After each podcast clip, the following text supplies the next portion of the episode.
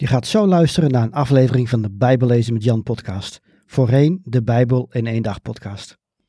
De genoemde links in deze uitzending kunnen verouderd zijn. Kijk op bijbellezenmetjan.nl of in de omschrijving van deze aflevering voor meer informatie over hoe ik mensen en kerken kan helpen met het lezen, begrijpen en geloven van de Bijbel. Welkom bij de Bijbel in één dag podcast. Mijn naam is Jan Heijnen. Ik ben auteur van het boek De Bijbel in één dag. Ik geloof dat de Bijbel Gods woord is en dat we allemaal deel uitmaken van zijn verhaal. De Bijbel is ook een vreemd boek soms. Ik help christenen de Bijbel te lezen, te begrijpen en te geloven. Op de Bijbel kun je het e-book De Bijbel in één dag gratis downloaden. Ook kun je de paperback bestellen of je inschrijven voor een van mijn cursussen of seminars. Oké, laten we met de aflevering beginnen. En allereerst wil ik alle mensen bedanken die afgelopen zaterdag het allereerste Bijbel in één dag seminar hebben bezocht. Het was voor mij geweldig om zoveel lezers, cursisten en luisteraars te ontmoeten. We maakten een fantastische reis door de Bijbel, die begon bij de betrouwbaarheid van de Bijbel. Vervolgens keken we naar de tijdlijn van dit prachtige boek, naar het Oude Testament en naar het raadsel van God dat naar voren komt in dat eerste deel van de Bijbel. Namelijk, hoe kan een heilige, rechtvaardige God zijn liefde, genade en vergeving schenken aan zondige mensen? In de podcast wil ik hier ook nog wel een keer bij stilstaan. En daarna keken we naar hoe de apostelen ons hebben geleerd te kijken naar het Oude Testament. Met andere woorden, hoe ontdekken we Jezus in de verhalen die in het Oude Testament zijn opgenomen? Dit is ook waar mijn boek Jezus in het Oude Testament over gaat. Smiddags keken we juist naar het Nieuwe Testament, vooral naar het leven van Jezus naar zijn onderwijs en naar hoe een ontmoeting met hem altijd een confrontatie met je hart is. Ook stonden we uitgebreid stil bij het laatste avondmaal, zijn ogenschijnlijke twijfels in Gethsemane en de kruisiging en de opstanding. Tot slot bestudeerden we wat het betekent om Jezus te volgen in de eindtijd. Als je ook eens een Bijbel in één dag seminar wilt volgen, kijk dan op jan-heinen.nl slash seminar. Je vindt deze link ook in de omschrijving van deze podcastaflevering. We gaan nu eerst verder met de Bijbel in één dag podcast. In deze aflevering staat het Bijbelboek Spreuken centraal. Het Bijbelboek Spreuken komt na de Psalmen. Het Bijbelboek Spreuken komt na de Psalmen.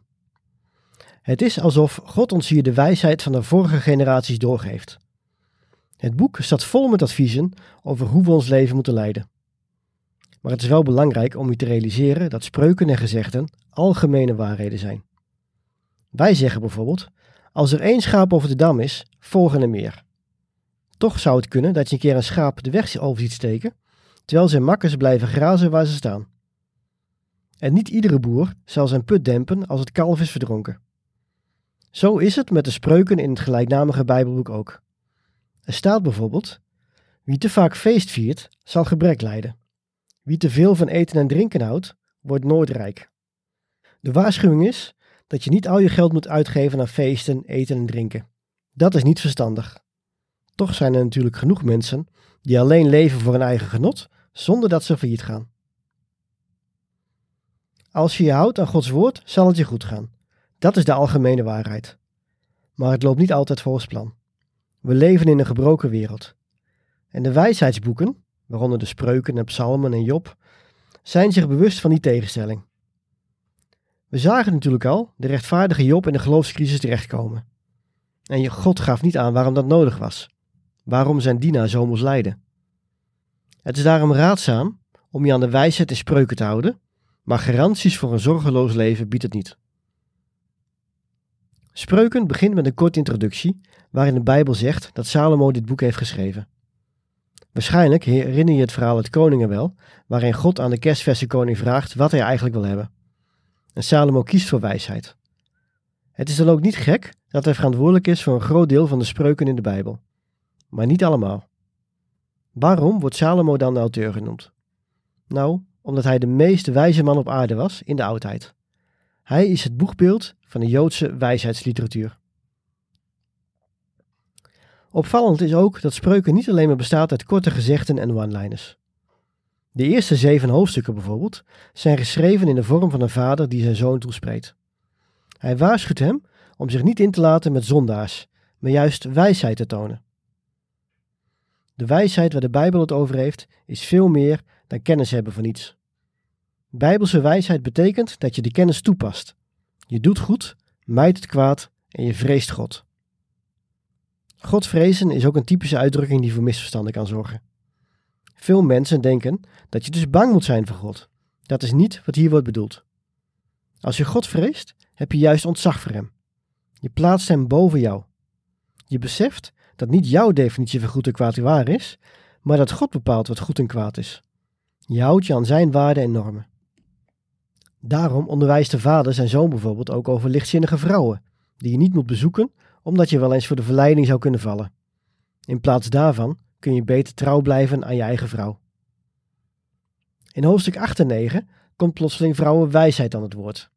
Stel mijn lessen boven zilver, mijn kennis boven zuiver goud, zegt ze. Vrouwenwijsheid lijkt in veel opzichten op Jezus, want ook zij haat trots en hoogmoed, leugens en kwaad. Vorsten heersen dankzij haar. Bovendien, aan het begin van de schepping werd eerst zij, wijsheid, geschapen. Er is ook een vrouwendwaasheid, waarover wijsheid zegt, ze bazelt maar, door haar domheid heeft ze nergens weet van. En dan volgt een bonte verzameling spreuken over verschillende gebieden van het leven. Familie, werk, vriendschap, seks, huwelijk, geld, woede, vergeving, alcohol, schulden, etc. Er zitten hele mooie pareltjes tussen deze spreuken, zoals als azijn voor de tanden, als rook voor de ogen, zo is een luiaard voor zijn meester. En ook, wie zijn medemens kleineert, heeft geen verstand. Iemand met inzicht zwijgt. En ook, wie vertrouwt op zijn rijkdom, is een blad dat valt. En de rechtvaardige komt tot bloei. Andere zijn ronduit grappig. Bijvoorbeeld, je kunt beter in een hoekje op het dak wonen dan in één huis met een vrouw die ruzie zoekt. Of, wie zijn buurman ochtends luid begroet, wekt de indruk dat hij hem wil vervloeken. De laatste twee hoofdstukken van Spreuken zijn weer een verzameling gedichten. De eerste is van een man die Aguur genaamd is. Over hem weten we verder niets. Deze Aguur bekent dat hij zelf niets weet en niet over wijsheid beschikt. Dan ontdekt hij dat die wijsheid wel te vinden is in Gods woord. En hij vraagt de Heer aan hem die wijsheid te schenken. Eigenlijk moeten wij als hem zijn, is de impliciete boodschap. Ook wij kunnen wijs worden door Gods woord te bestuderen.